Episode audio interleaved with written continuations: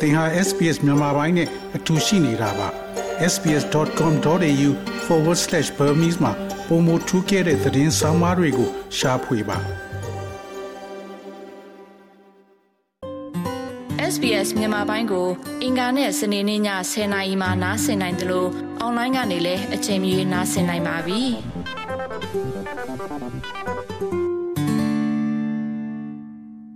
မုန်တိုင်းတွေနောက်ဆက်တွဲအနေနဲ့ ပြည်သူဒီတော့အရေးပေါ်ကေစီရေလုပ်ငန်းဒီကို အပူတဘရွန်ဆောင်ရောပြီးဖို့လိုအပ်နေပါတယ်နိုင်ငံတကာအဖွဲ့အစည်းဒီ NGO INGO ဒီဒေတာတော့မှဟင်းနေတယ်လူမှုအခရီးဘုအဖွဲ့အစည်းဒီနဲ့လည်းအာရခပြည်သူအစိုးရနဲ့အတူ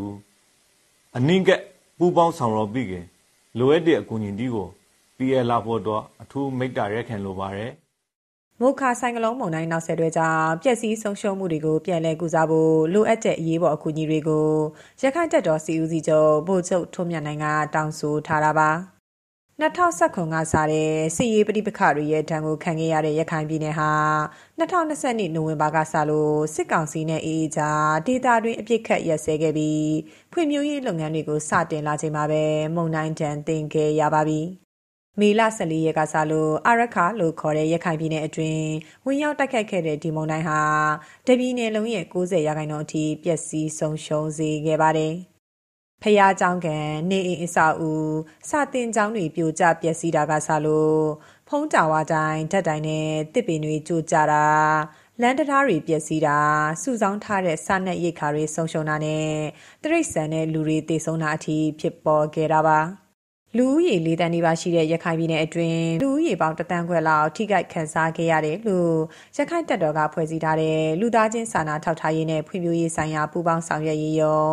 HDCO ကမေလ16ရက်မှာထုတ်ပြန်ထားပါတယ်။ လက်ရှိမှာတော့ဘေးအန္တရာယ်ကြုံတွေ့ခဲ့ရတဲ့လူဦးရေနဲ့ကုညီပေးတဲ့အဖွဲ့အစည်းမညီမျှမှုတွေရင်ဆိုင်နေရတယ်လို့မြောက်ဦးလူငယ်အဖွဲ့ကကိုကျော်စိုးလင်းကပြောပါတယ်။ဆိုတော့ကုညီပစ္စည်းလုံးလိုက်ပါတယ်ဆိုတဲ့လူတွေတော့ဒီအချိန်မှာသူတို့ရဲ့မိသားစုပုံလုံးရဲ့အတွက်ကိုဦးစားပေးနေရတဲ့အခါမျိုးဖြစ်တယ်။ကျွန်တော်တို့ကတော့ထိခိုက်မှုနေတဲ့မိသားစုတွေမှာပါနေတော့ကျွန်တော်တို့လုံးလိုက်နေပေါ့လေ။ဒါပေမဲ့ဒီအိမ်တော်စုတွေကိုဥဆောင်နေတဲ့လူတွေအနေနဲ့ဆိုရင်လုံးလိုက်တဲ့အချက်မဟုတ်ဘူးလေ။ကျွန်တော်ကုညီပစ္စည်းတွေကအများကြီးလုံးရအောင်ပါ။လောလောဆယ်ရှိသေးတော့ဘလို့မှအဆင်မပြေနိုင်သေးတဲ့အနေနဲ့ပါ။ဆယ်စင်းတွေကလည်းထိုးတက်လာတဲ့အခါကျတော့ဒီစာရေးတောက်ရေးကတော်တော်လေးအခက်အခဲဖြစ်တဲ့အချိန်မှာပါနေတယ်။အဓိကအရေးကြီးဆုံးအနေနဲ့ပြောရင်တော့သူတို့ကြောချပြီးအေးလို့ရမယ့်နေရာကောင်းကောင်းတွေမရှိသေးတဲ့အခါကျတော့လေသူတို့အတွက်အသာအုပ်တွေ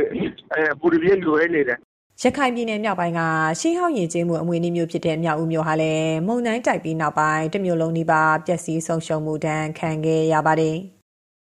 နိုင်ငံတကာနဲ့ အခြားဒေသက အဖွဲ့အစည်းတွေလည်း ဝင်ရောက်နိုင်သေးတဲ့အခြေအနေ မရှိတာကြောင့် ဒေသရင်းမှာရှိတဲ့ ကယ်ဆယ်ရေးအဖွဲ့အစည်းတွေစီကပဲ အကူအညီတွေ ရယူနေကြရတာပါ ကုလသမဂ္ဂ လူသားချင်းစာနာမှုဆိုင်ရာ ညှိနှိုင်းရေးရုံး UN OCHA ကတော့ လက်ရှိမှာ မိဖက်အဖွဲ့အစည်းတွေအနေနဲ့ မြေပြင်ကွင်းစင်းလေ့လာမှုတွေ ဆက်လုပ်နေပြီး ပူးပေါင်းဆောင်ရွက်မှုတွေအတွက် ခွင့်ပြုချက်ရဖို့လှုံ့ဆော်နေတယ်လို့ ဆိုထားပါတယ်။ လူသားချင်းစာနာထောက်ထားမှုဆိုင်ရာအကူအညီတွေပေးဖို့အတွက်လည်းသက်ဆိုင်ရာတာဝန်ရှိသူတွေနဲ့ညှိနှိုင်းနေစေဖြစ်တယ်လို့ဆိုပါတယ်။ဒါအပြင်ရခိုင်ပြည်မှာအရေးပေါ်ကူညီကယ်ဆယ်ရေးလုပ်ငန်းတွေလှုပ်ဆောင်နိုင်ဖို့ကချင်လွတ်မြောက်ရေးအဖွဲ့ KIO ဗဟိုဌာနချုပ်ကစက်သိန်း3000အမျိုးသားညီညွတ်ရေးအစိုးရ NUG ကစက်သိန်း1000အပါအဝင်မြန်မာအမျိုးသားဒီမိုကရက်တစ်မဟာမိတ်တပ်မတော် MNDAA တို့ကစက်သိန်း1000လှူဒန်းထားပါတယ်။ ဒီလိုအဖွဲ့တွေဘက်ကလှူဒန်းထားမှုတွေဟာလည်းလက်ရှိအချိန်ထိတော့မြေပြင်ကလူတွေလက်တွေ့မခံစားရသေးဘူးလို့ဒေတာကန်တွေကဆိုကြပါတယ်စစ်တွေဒေတာကန်ကိုကြောက်ချိုင်ကအိမ်ကဟိုကိုကိုပါကိုကိုထူကိုတောင်ကိုထနဲ့ဒီတက်နိုင်တဲ့လူတွေဆောက်ကြတယ်အခုကမတက်နိုင်တဲ့လူတွေလူတွေကကြတော့ငုတ်ဆုပ်ထိုင်နေကြတယ်ဒါအဖွဲကြီးတွေဆိုရင်လည်းကျွန်တော်တို့မြင်တော့မြင်ရတယ်ဘာလို့ပြီးလဲဆိုတာတော့မမြင်ရသေးဘူးခင်ဗျအဲ့ဒီပြန်လေတီတောင်ရေးကိုကျွန်တော်တို့အကောင့်ထဲမပေါ်ရင်သူတို့က အဲ့ဒီအဖွဲ့အစည်းတွေကကူညီခဲ့တယ်ဖို့သတင်းတွေမီဒီယာတွေမှာပေါ်ပြရင်လည်းဒီမြေပြင်မှာကြတော့ဟိုထိရောက်မှုမရှိဘူးလို့ပြောမှာပေါ့ဗျာဟိုမိုးကချက်ချင်းကောက်ရွာလိုက်တော့ကျွန်တော်လည်းတအားစစ်ပူနေတယ်လူတွေဘယ်လိုများနေမလဲပေါ့ထိုင်ပြီးတော့စဉ်းစားနေတာဟိုအခေါင်မိုးတွေကပြီးတော့ပတ်စံရှိရင်တော့မှပဲဝယ်လို့မရတဲ့အနေအထားတွေလည်းရှိတယ်ဗျာကျွန်တော်ကိုယ်တိုင်ကလည်းမရည်နိုင်ဘူးဗျာမရည်နိုင်ဘူးဒါပေမဲ့မငုံအောင်တော့မနေ့ထိုင်းထားတာပေါ့ဗျာ စစ်တွေမြောက်ဦးရသေးတာဘူးတီတောင်အပါအဝင်ရခိုင်ပြည်နယ်တွင်မြို့နယ်၈ခုမှရှိတဲ့အခိုင်အမာဆောက်လုပ်ထားတဲ့နေအိမ်တွေတောင်ဆုံးရှုံးပျက်စီးခဲ့ရသလိုဝါးနဲ့တိဆောက်ထားတဲ့စစ်ဆောင်တဲတွေပါပြိုပျက်ခဲ့ရပါတယ်။မြောက်ဦးမြို့ကအင်ဂျီ300ကျော်ရှိတဲ့တိမ်ညိုစစ်ဆောင်စခန်းအပြင်ရိုဟင်ဂျာလူမျိုးစုတွေနေထိုင်တဲ့စံပြဘာဆာလာဂျားပိုင်ဘောဒူပါဗေဒအပါအဝင်စစ်ဆောင်စခန်း14ခုကနေအိမ်တွေလည်းပြိုပျက်ပျက်စီးခဲ့ရပါတယ်။ ရိုဟင်ဂျာတသိန်းကျော်နေထိုင်တဲ့စစ်ချောင်းစခန်းတွေဟာပင်လယ်ပြင်နဲ့အနီးဆုံးနေရာမှာရှိနေကြပြီးလွတ်လပ်စွာသွားလာခွင့်မရှိတဲ့သူတို့အတွက်မုန်တိုင်းတံကိုကြိုတင်ကာကွယ်ဖို့လုံခြုံတဲ့နေရာတွေစီရွှေ့ပြောင်းသွားလာခွင့်မရခဲ့ကြပါဘူး။ဒါကြောင့်မဲမုန်တိုင်းနောက်ဆက်တွဲအခြေအနေကြောင့်ရိုဟင်ဂျာဒုက္ခသည်400ကျော်သေဆုံးခဲ့တယ်လို့စည်ရင်ကောက်ခံနေသူတွေစီကနေကနအူးသတင်းတွေထွက်ပေါ်ခဲ့ပါတယ်။ ဒီကိန်းဂဏန်းဟာဖြစ်နိုင်ခြေများပြီးအတည်ပြုနိုင်ခြင်းတော့မရှိသေးဘူးလို့တက်ကယ်ပြင်စစ်ရှောက်စကန်တာဝန်ရှိသူကဆိုပါတယ်။မြေပြင်မှာရှိတဲ့အစ္စလမ်နာရေးကူညီမှုများအသင်းကတော့လက်ရှိအချိန်ထိရိုဟင်ဂျာအလောင်း150ကျော်ကိုမြင့်မြုပ်ခဲ့ပြီးပြီလို့ဆိုပါတယ်။မိသားစုတစုကို9ရက်အထက်သေဆုံးခဲ့ကြရတွေလည်းရှိသလိုလက်ရှိအချိန်ထိပျောက်ဆုံးနေစေရိုဟင်ဂျာတွေလည်းရှိနေစေပဲလို့သိရပါတယ်။ လက်တလောလှုပ်ဆောင်နေတဲ့ကုညီကယ်ဆယ်ရေးအပြင်ပြည်လဲထူထောင်ရေးလုပ်ငန်းတွေလှုပ်ဆောင်ရမှာထိခိုက်လွယ်အုပ်စုမှာပါဝင်တဲ့ရိုဟင်ဂျာအရေးကိုလည်းအထူးစဉ်းစားပေးဖို့လိုတယ်လို့ပြောလာသူကရိုဟင်ဂျာလူမျိုးရေးညွန့်ပေါင်းအဖွဲ့ပူးပေါင်းတည်ထောင်သူရိုနေဆန်းလွင်ပါဒီနိုင်ငံတကာအဖွဲ့အစည်းတွေကအခုထိတေချာဝင်ခွင့်မရသေးတဲ့အတွက်ကြောင့်သူတို့မှဘာမှအထောက်ပံ့တွေမရဘူးအဲအစားတောက်မဲ့အဲအသုံးဆောင်ပစ္စည်းမဲ့အဲ့ဘဝကိုရောက်သွားတာပေါ့နော်နောက်ပြီးတော့ဒီလိုပုံစံမျိုး ဆက်သွားနေမယ်ဆိုရင်ဒီထက်ကြီးမားတဲ့ဒုက္ခတွေကိုရင်ဆိုင်ရနိုင်တယ်ဒီအခုအချိန်မှာသူတို့ရဲ့ camp တွေအားလုံးက90ရာခိုင်နှုန်းဖြစ်ပျက်စီးသွားပြီဒီလူတွေကို camp ထဲကိုပြန်ထည့်ပြီးတော့ဒီလိုပဲ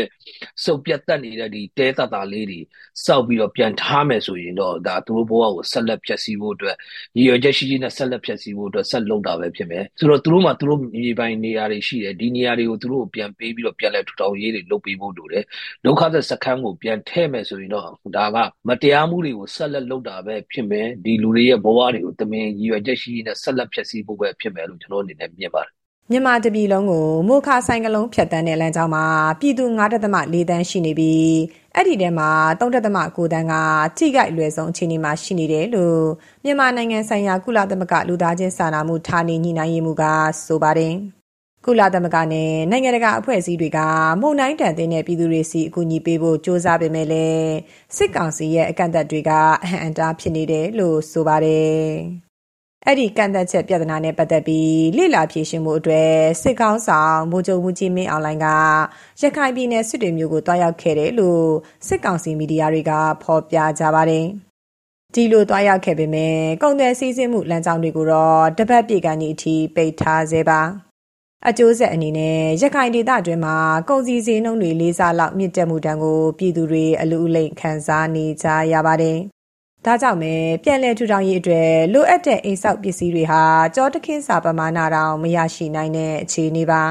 ။ရခိုင်လွတ်တော်အမတ်ဟောင်းဦးဖေတန်းကတော့လက်ရှိအာဏာရယူထားတဲ့စစ်အစိုးရအနေနဲ့ကြုံတွေ့နေရတဲ့သဘာဝ BN ရဲ့ကာလမှာသဘောထားကြီးပေးဖို့လိုတယ်လို့ဆိုပါတယ်။ဘာသာကိုအသုံးပြုခွင့်ရချတဲ့ စစ်ကောင်စီဘက်က ဘယ်လောက်ထိဒါကို အကောင်အထည်ဖော်ပေးနိုင်မလဲဆိုတာတော့ ကျနော်တို့ စောင့်ကြည့်ရမယ့်သဘောရှိပါတယ်။ပြီးတော့ ရခိုင်ပြည်နယ်ရဲ့ ဖွံ့ဖြိုးရေးလုပ်ငန်းတွေကို ဇောင်းပေးပြီးတော့ လုပ်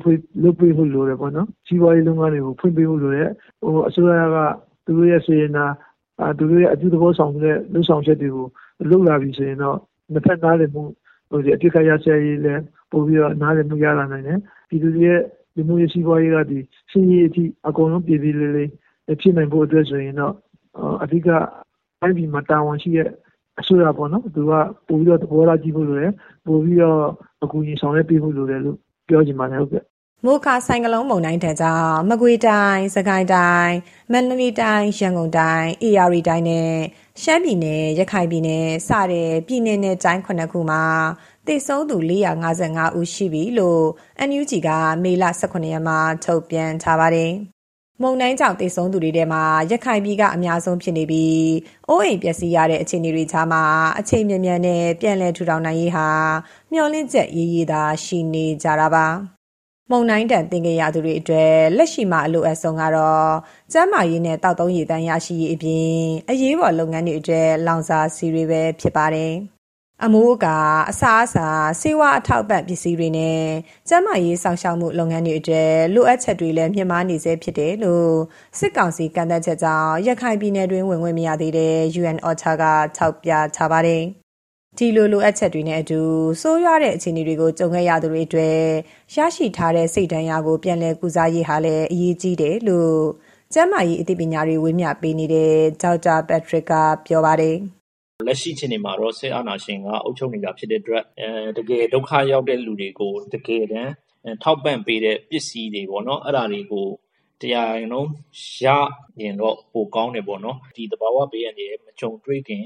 အခြေအနေကို တတ်နိုင်သမျှလေး ရရှိအောင်လို့ ဝိုင်းဝန်းပြီးတော့ ကူညီဆောင်ရွက်ပေးမှာဖြစ်တယ်။ကျနော်တို့အားလုံးရော နိုင်ငံတော်အနေနဲ့ နိုင်ငံတကာအနေနဲ့ အဖွဲ့အစည်းတွေကလည်း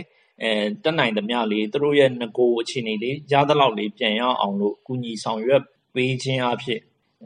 စိတ်ထိခိုက်မှုတွေကိုလည်းသက်သာရာရစေနိုင်တာပေါ့နော်။အပစ်အခတ်ရပ်စဲရေးကာလအတွင်းတနိုင်ငံလုံးအားကျရတဲ့သင်္ကြန်ပွဲတော်ကိုစည်းလုံးပျော်ရွှင်စွာကျင်းပခွင့်ရခဲ့တဲ့အာရက္ခပြည်ဟာသဘာဝဘေးကြောင့်အပူတိုးခဲ့ရပါပြီ။နှစ်နဲ့ချီကာလရှည်ကြာအောင်ပဲပြန်လည်ထူထောင်ရေးခရီးရှည်အတွက်ရုပ်လုံးပေါ်လာဖို့ အခက်အခဲတွေမပြည့်စုံမှုတွေကြားကနေတာဝန်ရှိသူတွေကုညီပံ့ပိုးသူတွေရဲ့အကူအညီနဲ့ပဲဆက်လက်ရုန်းကန်နေကြရအောင်ပါပါဒီသတင်းဆောင်မကိုတန်လွင်ခက်ကပေးပို့ထားတာဖြစ်ပါတယ် SBS မြန်မာပိုင်းကိုနားဆင်ရတာနှစ်သက်ပါတလား Facebook မှာဆွေးနွေးမှုတွေကိုဆက်ကြရအောင်ပါ SBS မြန်မာပိုင်း Facebook ကို like လုပ်ပြီးတော့သ င်ချင်တဲ့ချက်ကိုမျှဝေနိုင်ပါတယ်။ SBS Bemis ကို Facebook မှာ share ကြည့်နိုင်ပါတယ်ရှင်။